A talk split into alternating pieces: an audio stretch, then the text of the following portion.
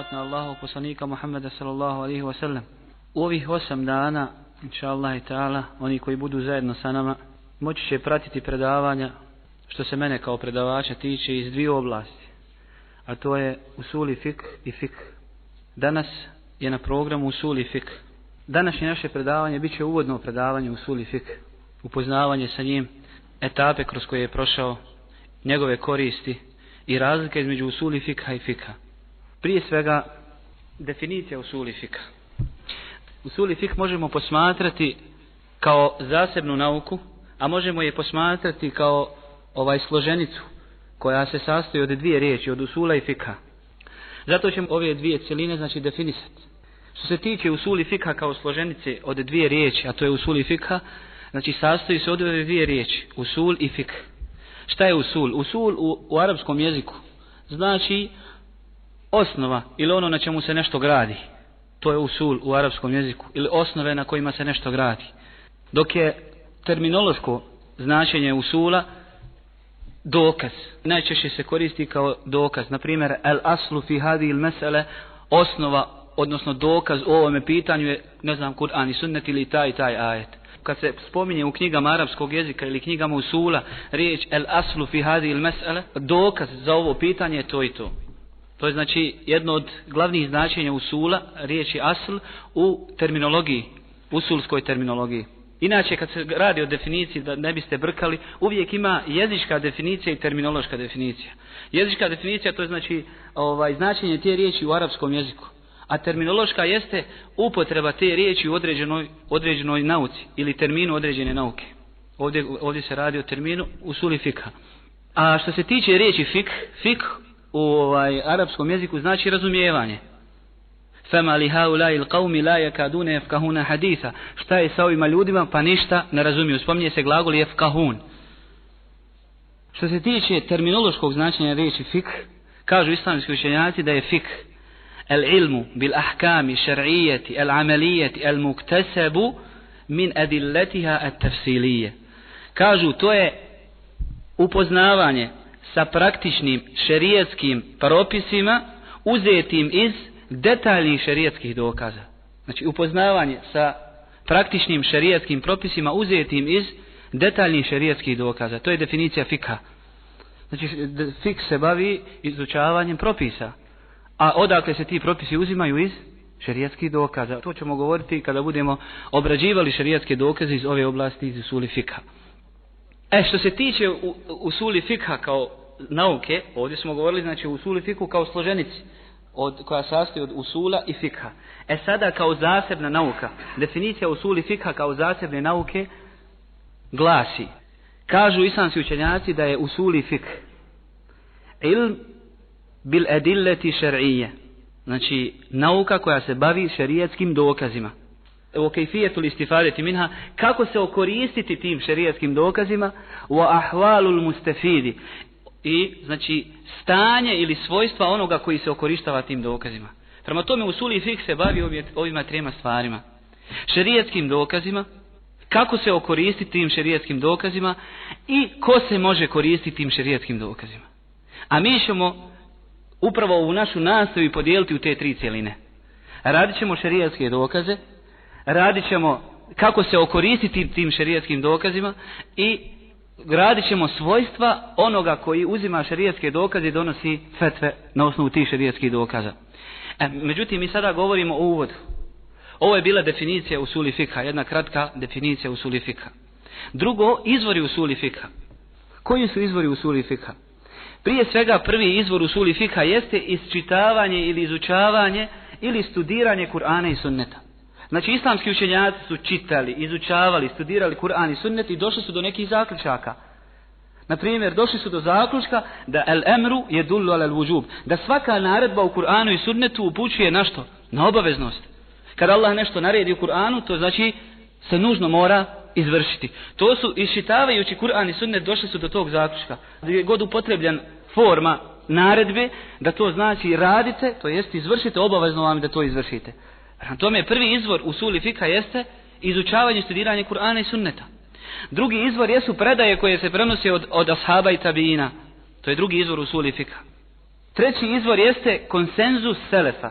To jest slaganje selefa po određenom pitanju. Kao što je, na primjer, slaganje ashaba oko hilafeta koga? Ebu Bekra radijallahu anhu. A poslanik sa selem je rekao da se njegov umet neće složiti na zabludi. Prema tome to je, to je jedan od izvora u suli fika. Konsenzus islamskih učenjaka, odnosno prije svega selefa.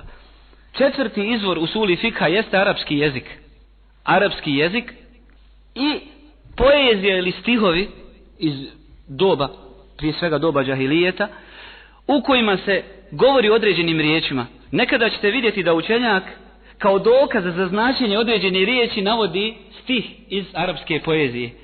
I kaže, ova riječ znači to, a dokaz je taj i taj stih. I onda navede stih iz, iz arapske poezije.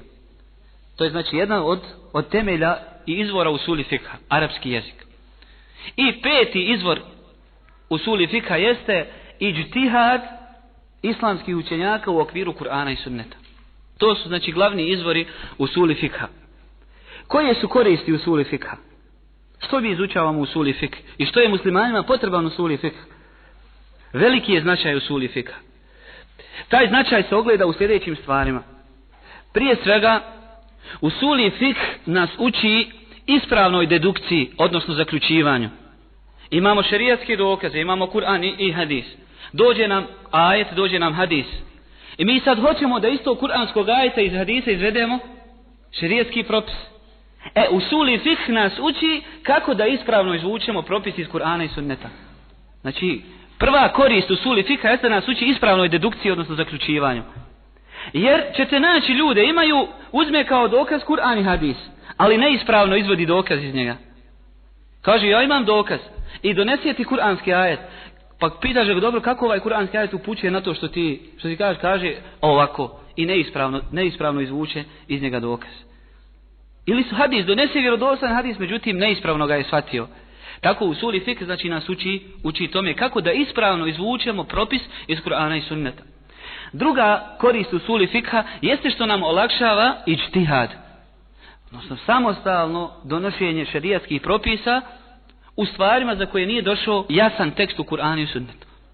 I daje nam rješenja za novo nastala pitanja. Znači usuli fik nam pomaže, pomaže u ištihadu, to jest pomaže učenjacima u ištihadu da oni na osnovu pravila koje postaju u fik u vremenu u novim vremenima jer se pitanja ima novo nastalih pitanja i onda oni se koriste pravilima koja su postavili učenjaci u suli fikha i na osnovu tih pravila oni donose propise.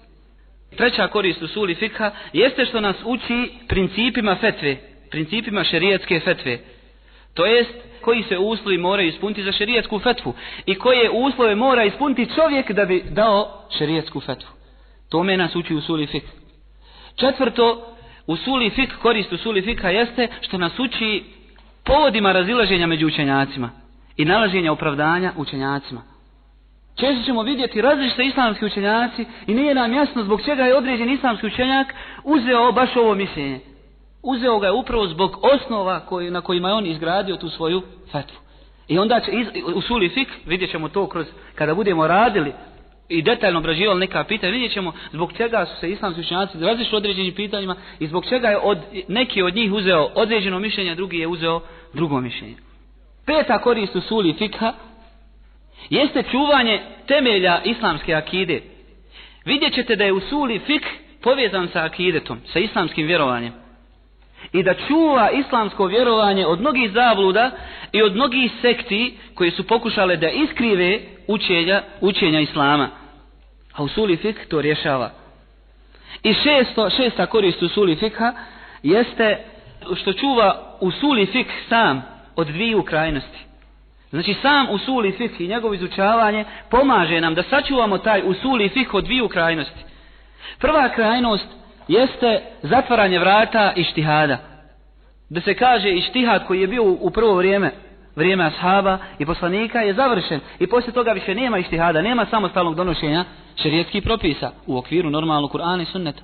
I druga krajnost jeste čuvanje usuli fikha od modernista koji pokušavaju narušiti usuli fik, odnosno promijeniti ga kako to oni kažu i unijeti u njega neke nove principe, normalno koji nisu zasnovani na Kur'anu i sunnetu. Ko što ćemo danas vidjeti, kažu usuli fik, tradicionalni usuli fik, ne rješava mnoga pitanja, fik ne rješava mnoga pitanje i mi moramo sada izaći iz okvira Kur'ana i sunneta, riječi i izreka ashaba radijallahu anhu i donositi samostalne rješenja koja će odgovarati čemu?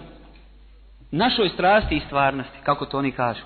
To su bile neke koristi usuli fikha. Sljedeća tačka jeste etape kroz koje je prošao usuli fik. Kako se razvijao usuli sulifik? Razvoj usuli fikha možemo podijeliti u tri etape. Prva etapa jeste period imama Šafije. Znači negdje oko drugog hijđarskog vijeka pa do četvrtog hijđarskog vijeka. To je prvi period. Naime, u tom periodu imam Šafija je napisao prvu knjigu u kojoj je sabrao usuli fikha kao nauku. Sve do tada nije postao usuli fikha kao zasebna nauka, nego je bio u sastavu drugih nauka.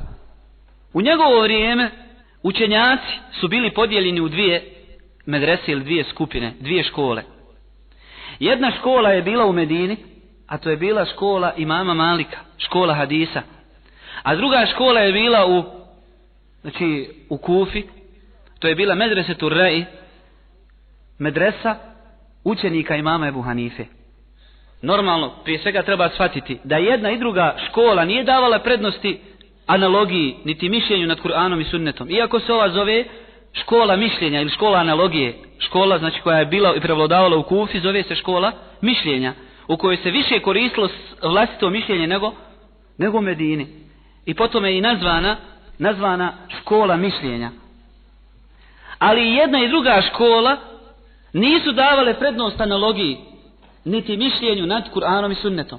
Samo je razlika što je škola koja je ovaj prevladavala u Medini, znači škola imama Malika i Ibn Enesa, poznatog autora Muete, zbirke hadisa, imala je više hadisa, jer je tu, tu su boravili ashabi i tu su ovdje ostavili, ostavili rivajet, ostavljeni su hadise od Allahog poslanika sa oselem. I oni su slabije mogli dolaziti do mjesta kao što je bila Kufa.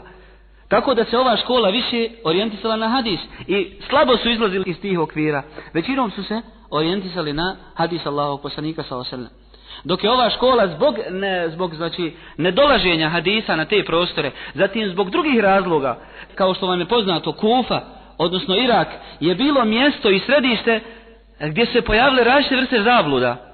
Gdje se pojavile šije, gdje se pojavile ovaj, haridžije, gdje su se počeli izmišljati hadisi. Zato su učenjaci u Kufi postavili žestoke šartove uvjete da bi hadis bio ispravan. I malo je koji hadis mogao proći te uslove da bi bio prihvaćen. I zbog toga se na, na što moralo oslanjati? Morali se oslanjati više na, na analogiju. Ne zbog toga što su oni preferirali analogiju, nego zbog svojih pravila i principa koje su postavili i upravo zbog ovih zabluda koje se rešile u tim, u tim područjima. E, imam šafija, znači se zatekao u jednom takvom periodu, gdje su se fekihi uglavnom orijentisali, islamski pravnici, ili na školu mišljenja, ili na školu hadisa. Znači zatvarali se u ta dva kruga, niko nije izlazio iz ta dva kruga. Međutim, imam Šafija je dobro poznavao jednu i drugu školu, jer je učio pred imamom Malikom. Bio učenik imama Malika, naučio je fik imama Malika. A isto tako je učio fik imama Ebu Hanife pred njegovim učenikom Muhammedom ibn Hasanom. Zatim učio je fik stanovnika Šama i učio je fik stanovnika Egipta. Zatim je učio kuranske nauke u Mekke, pred učenjacima Mekke, gdje se posebna pažnja posvećivala tefsiru i povodima objave. Zatim imam Šazija je boravio u jednom nomadskom plemenu koje se zove Huzeil, gdje je učio čisti izvorni arapski jezik. Zato se imam Šafija smatra od, od dokaza u arapskom jeziku. Kao onaj čija se riječ uvažava u arapskom jeziku. E, imam Šafija je znači objedinio sve ove, sve o, sav ovaj fikh i svu ovu nauku i onda je to sabrao u jednu knjigu koju je nazvao Risala. Prva knjiga koja je napisana iz oblasti usuli fikha. Sabrao je fik. Znači spojio između fikha imama Ebu Hanife, između fikha imama Malika, između ovaj nauke koju je spojio, koju je naučio u Mekke, nauke koje je učio u Egiptu i nauke koje je učio u Šamu. On je u toj svojoj risali dao neke smjernice fekihima, I htjeo je da fekihi, odnosno islamski pravnici, izađu iz okvira ove dvije škole. Da se ne drže samo svoje škole, nego da, da se napravi jedan spoj koji će dati prava rješenja za sve oblasti.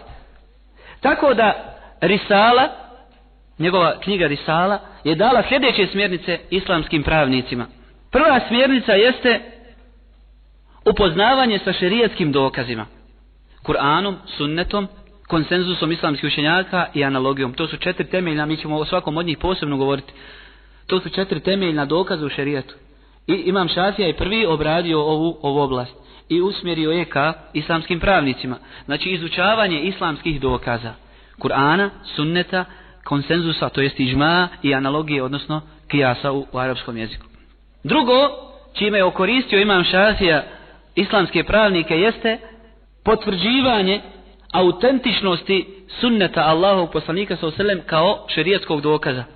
Jer u njegov vrijeme je bilo puno govora oko sunneta, da li je on autentični izvor u, u šerijetu. I on dolazi sa pravilima i dokazima da je sunnet autentični izvor. A pogotovo posvećuje pažnju govoru o Haberul Ahadu. To ćete malo bolje se upoznat kad budete radili hadis. A ja ću vam kratko reći da je Haberul Ahad, znači hadis kojeg u određenoj generaciji prenosi samo jedan ravija, samo jedan prenosioc.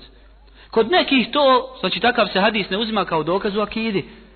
A imam šafije se posebno u Risale skoncentrisao na dokaze da se Haberu Lahad, znači hadis kojeg u jednoj generaciji, bar u jednoj generaciji bilježi samo jedan prenosioc, da se da je čvrsti dokaz u šerijetu i da se može uzeti kao dokaz u, u akidi. Zatim, o, što se tiče Kur'ana i sunneta, imam šafija je razbio famu o kontradiktornosti Kur'ana i sunneta. I kontradiktornosti samog sunneta. Znači da nema kontradiktornosti između Kur'ana i sunneta. I da ne može doći do kontradiktornosti između hadisa Allahovog poslanika ako su vjerodostojni. Sallallahu alaihi wa sallam. Četvrta smjernica koju je dao imam Šafija u svojoj risali jeste razbijanje ili rušenje jednog ružnog adeta koji je bio poznat i rašen u to vrijeme među muslimanima, to je govor o Allahu i veri bez znanja. Sljedeća smjernica koju je dao imam Šafija jeste da je postavio pravila korištenja analogije i vlastitog mišljenja. Znači postavio je pravila kada se može, može koristiti analogija, kako se može koristiti, odnosno isto tako vlastito mišljenje. Zatim ono što je isto tako razvio imam Šafija jeste ovaj govor o naredbi i zabrani u Kur'anu. I na kraju govor o derogiranim i derogirajućim ajetima. Ovo su bile neke smjernice koje imam Šafija dao u risali kome islamskim pravnicima. I to nije bilo jedino dijelo kojeg imam Šafija u tom vremenu napisao i nije obuhvatilo sav usul i fik, nego on napisao još neka djela. Kao što su Džamiul Ilm, napisao je knjigu Džamiul Ilm, gdje odgovara onima koji negiraju hadis, gdje odgovara onima koji negiraju Haberul Ahad, kojeg smo malo prije spomnjali. Zatim, gdje govori o, o kijasu, o analogiji, o ištihadu i tako dalje. I napisao je knjigu Ihtilaful Hadis, gdje govori o kako može doći do razilaženja u hadisima i tako dalje. I gdje, gdje je malo više razradio ovu oblast. I još jednu knjigu koju je napisao, a koja je govorila o, o, o suli fiku, bila je Sifatu Nehin Nebiji, sallam. Forma poslanikove ili izgled poslanikove zabrani ovdje. To je bila jedna, prva etapa. U ovoj etapi su nastale još neke knjige, ali mi ćemo se ograničiti na ovu knjigu, jer ona je, ona je, ona je obilježila ovaj, ova, ovu prvu etapu, a to je nastanak usuli fikha kao zasebne nauke. I to je ujedno karakteristika ovog, ove prve etape razvoja usuli fikha, a to je nastajanje e, usuli fikha kao zasebne nauke. I okupljanje svih usulskih pravila u jednu knjigu koja se zove Erdisala od imama Šafije, rahmetullahi alih. Druga etapa usuli fikha traje od petog pa do sedmog vijeka po hijri. U tom vremenu najizražajniji islamski učenjaci u usuli fikhu su bila dvojica poznatih imama. Imam el-Khatib el-Baghdadi, poznat kao imamul mešrik, znači imam na istoku. I drugi učenjak, a to je Ebu Omer ibn Abdul Ber, kojeg su zvali imamul Magrib, imam na zapadu, na zapadnom dijelu tadašnje, tadašnje zemlje. Imam Bagdadi je napisao knjigu El Faqihu wal Mutafaqih gdje on govori upućuje neke savjete učenjacima hadisa gdje govori o šerijatskoj raspravi gdje govori o adabima koje mora posjedovati jedan islamski pravnik ali prije svega knjiga je bila upućena učenjacima hadisa. Jer su neki učenjaci među muhaddisima se bili ograničili samo na predaju. Nisu izučavali značenja hadisa. I često su pogrešno postupali po tim hadisima. Možda je hadis bio derogiran. Možda nije značio to što je određeni određeni ovaj učenjak hadisa mislio tako dalje. Čak neki su od njih znali po 40 godina raditi po određenom hadisu i na kraju saznaje da je taj hadis derogiran.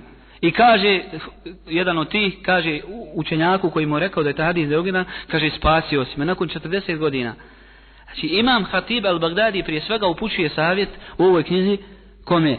Muhaddicima.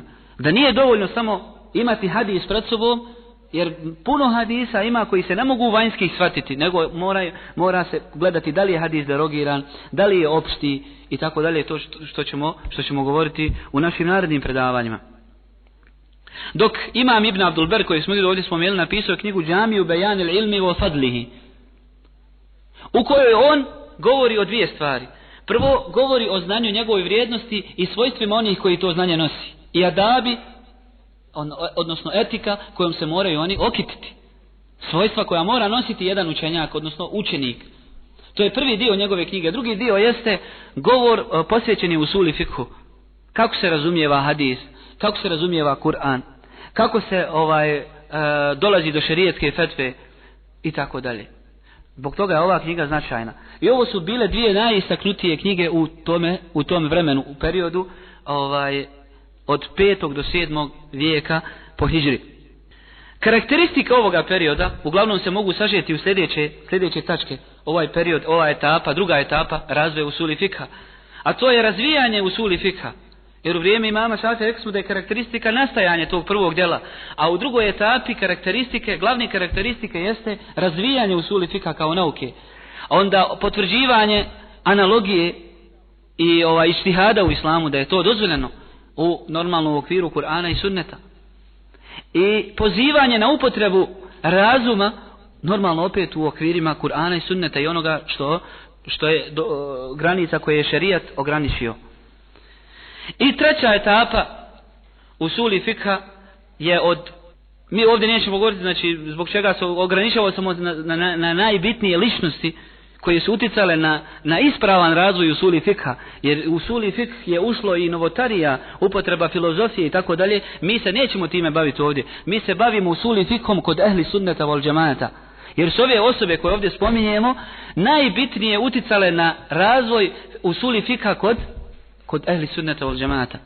Treća etapa je etapa od 8. pa do 10. vijeka po hijri. I ono što je poslije došlo je bilo samo oslanjanje na prijedvodne etape. Nemo, znači nije bilo nekih novih etapa od desetog hijrijskog vijeka pa do danas, nego je to uglavnom bilo oslanjanje na ono što je prije napisano. U ovome periodu izra, izražajni islamski učenjaci koji su djelovali na polju usuli fika i koji su uticali na njegov ispravan razvoj su bili šehhul islam ibn Tejmije i njegov učenik ibn Kajim. Naime, u to vrijeme, u vrijeme šehhul islamem Tejmije, zatim u, u, poslije u, njegov, u vrijeme njegovog učenika Ibn Kajima, bio je jak uticaj filozofije na usuli fik. U usuli fik su bila u, uvukla filozofska pravila, filozofska tumačenja i tako dalje. Tako da su šehhul islam Ibn Tejmije i Ibn Kajim odigrali značajnu ulogu u čišćenju usuli fika od, ti, od tog filozofskog uticaja. Tako da se njihovo djelovanje može uglavnom podijeliti u dva pravca prvi pravac na kojem su djelovali jeste bilo uspostavljanje čvrstih temelja na kojima se gradi usuli fik kod ehli sunnata vol džemata i normalno da se taj usuli fik gradi samo na Kur'anu i sunnetu, strogo u okvirima Kur'ana i sunneta.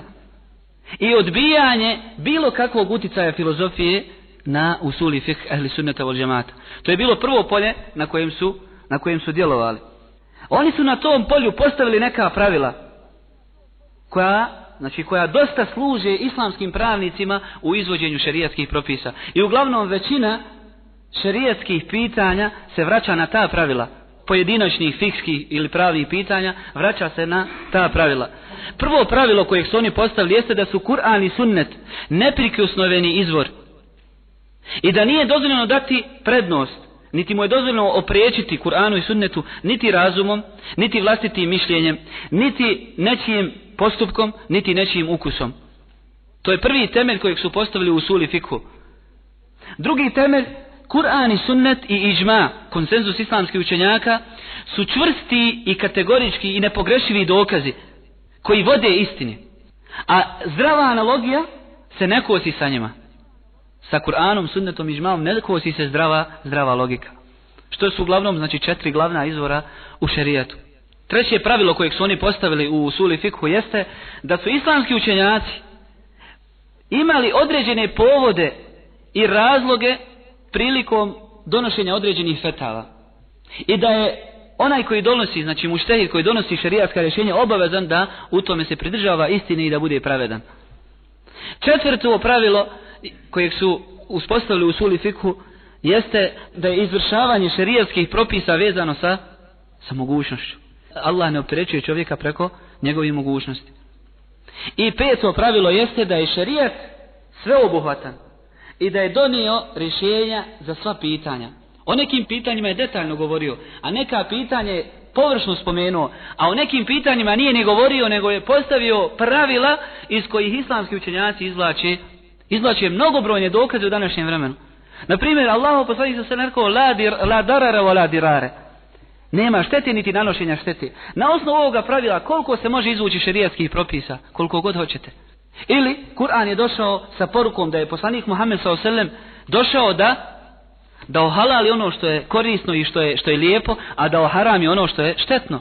Sad, na osnovu ovoga ajeta, odnosno ovoga pravila šerijatskog, možemo znati šta je halal, a šta je haram od novih stvari koje nisu bile poznate u vrijeme poslanika s.a.v. Prema tome, ovo zadnje pravilo, peto pravilo, kaže nam da je šerijat došao sa, sa pojašnjenjem za sva pitanja i nije manjkav. I nema niko pravo da kaže, pošto šerijat ne govori o ovome pitanju, mi ćemo sada, šerijat govori o svakom pitanju. Jer kaže Allah Đelešanu, ti bijanen li kulli šej. A on je pojašnjenje za svaku stvar. Ako bismo rekli da šerijat nema odgovor na svako pitanje, onda bismo Allaha Đelešanu utjerali u laž. Allah kaže da je pojašnjenje za svaku stvar.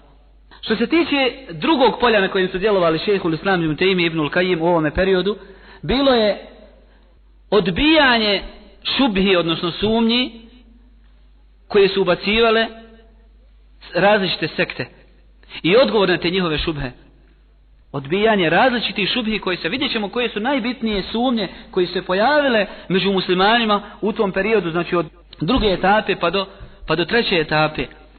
Među najvažnijim šubhama koje su oni odbili jeste kaidetu tahsini od takbih sa kojim, je, sa kojim su došli muatezile, racionalisti. To je da je razum sposoban da razluči u svakoj stvari šta je lijepo i šta je dobro i da on ima pravo da prosudi, znači na osnovu toga da je to dozvoljeno, odnosno zabranjeno. Da je razum sposoban da razluči dobro od zla i da je on može biti jedan od osnova u propisivanju. Kaže ovo je lijepo i to je znači naređeno. Ovo je ružno i to je zabranjeno. Šehul Islam Tejme i Ibnul Kajim su razbili ovo pravilo sa kojim su došli, su došle Muatezile. To je prva šubha koja je ubačena, jeste kaidetu tahsini od takbih.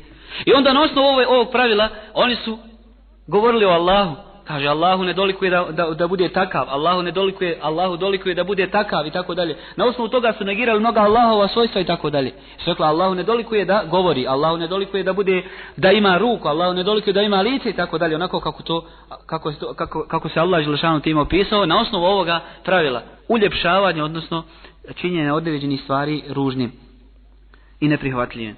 Drugo pravilo, druga šubha sa kojom su došli ovaj racionalisti, odnosno muatezile, a koji su razbili šehhul islam Tejmije i njegov učenik Ibnul Kajim, neka je na njima Allahova milost, jeste da hadis, odnosno tradicija Allahovog poslanika, tufidu van, znači da nije pouzdana, da može biti istina, a može biti neistina.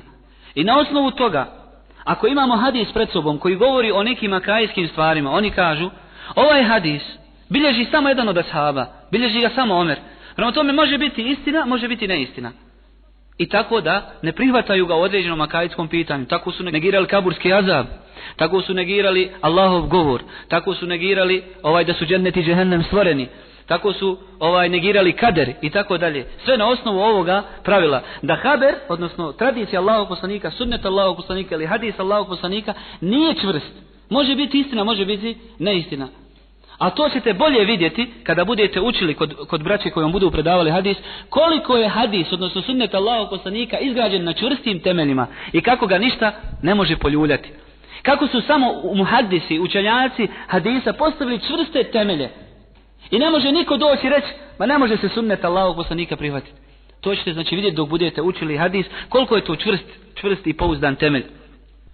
Znači možemo se ovdje i, i zaustaviti što se tiče ovih pravila ili šubhi sa kojima su došle Mu'tazila, odnosno racionalisti koji su razbili šehhul islam te ime i njegov učenik Ibnul Kajim. Prema tome oni su puno uticali na ispravan razvoj usuli fika u ovoj trećoj etapi. I to je upravo obilježje usuli fika u, u ovoj trećoj etapi, a to je razvijanje, odnosno postavljanje zdravih temelja ehli sunnetovog džemata na principima, odnosno uh, principima Kur'ana i sunneta. I odbijanje i upućivanje kritike filozofima i njihovom pristupu u suli fikhu. To je bila glavna karakteristika ovoga, ove etape u suli fikha. Rekli smo da poslije toga u suli fikh se uglavnom razvijao i dijela koja su nastala uglavnom su bila vezana za dijela koja su nastala prije. Tako da mi u današnje vrijeme imamo neka, neke nove knjige iz usuli fika, ali one se uglavnom baziraju na knjigama koji su prije napisane. Kao što je Nuzhetul Hatir al-Atir od Abdurrahmana ibn Bedrana, poznatog islamskog učenjaka. Zatim uh, Latifetun o fi usulil fik od poznatog islamskog učenjaka uh, Abdurrahmana Sadija koji ima svoj tefsir a ujedno bio je i šeh poznatog i uvaženog islamskog učenjaka Muhammed ibn Saleh al-Usaimina koji dan danas živ i druga djela koja su nastala iz ove oblasti. Zatim imamo ovaj Ma'alim Usuli Fik, jednu doktoru koju je napisao jedan od profesora Islamskog univerziteta Džizani, koji je napisao znači isto tako e, dobra knjiga na koju bi uputio one koji se poslije budu bavili sa, e, sa izučavanjem Usuli Fika ili Fika i mnoga druga djela koja su nastala u novije vrijeme. I na kraju nam ostaje da razgraničimo i napravimo razliku između fika i usuli fika. Sigurno ste sebi postavili to pitanje kakva je razlika između fika i usuli fika.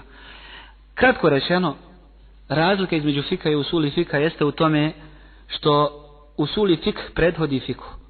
Kako to? Tako što usuli fik postavlja pravila koja poslije toga islamski pravnici koriste u izvođenju šarijatskih propisa. Usuli, učenjak usula, izvede pravilo. Pravilo kojeg smo mi malo prije spominjali. Na primjer, naredba u Kur'anu i sunnetu upućuje na obaveznost izvršavanja. Znači svaka naredba koja dođe u Kur'anu i sunnetu u osnovi se mora ispuniti. Sada dolazi islamski pravnik, prilazi ovome pravilu i kaže naredba u Kur'anu i sunnetu obavezno se mora ispuniti, odnosno upućuje na obaveznost izvršenja. Zatim on traži sve naredbe koje se nalaze u Kur'anu i sunnetu i kaže na primjer, kaže Allah izlašanuhu u akimu salat, obavljajte namaz, naredba. Prema tome naredba upućuje na obaveznost izvršavanja, a ovo nas upućuje na to da je namaz obavezan. Gdje god nađu naredbu, kažu na osnovu ovoga pravila kojeg su postavili učenjaci u sula, da naredba u Kur'anu i sunnetu upućuje na obaveznost izvršavanja, znači da je namaz obavezan. Allah kaže postite, kaže dajte zekat. Svaka naredba koja se vrnosi u Kur'anu i sunnetu u osnovi, vidjet ćemo da nekad ne mora znači da upućuje na obaveznost izvršavanja zbog određenih okolnosti, ali u osnovi upućuje na obaveznost izvršavanja. E to je razlika između fikha i usuli fikha. Što usuli fik postavlja pravila kome postavlja fekihu, odnosno fikhu, pravila i na osnovu tih pravila u većini stvari e, fekih islamski pravnik može da donese stav po određenom pitanju. Dobro, kulu kao li ostavku